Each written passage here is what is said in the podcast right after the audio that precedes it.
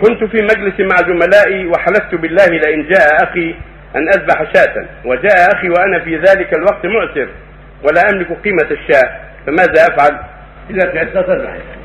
إذا تيسر الشاة تذبحها وفاء لنذرك تذبحها على نيتك. نيتك للفقراء تعطيها الفقراء. نيتك تأكلونها انت وأخوانك وأهل بيتك تاكلها انت واهل بيتك. وإن كان ما عندك نية قلتها ولا عندك نية تعطيها الفقراء. لا تاكلها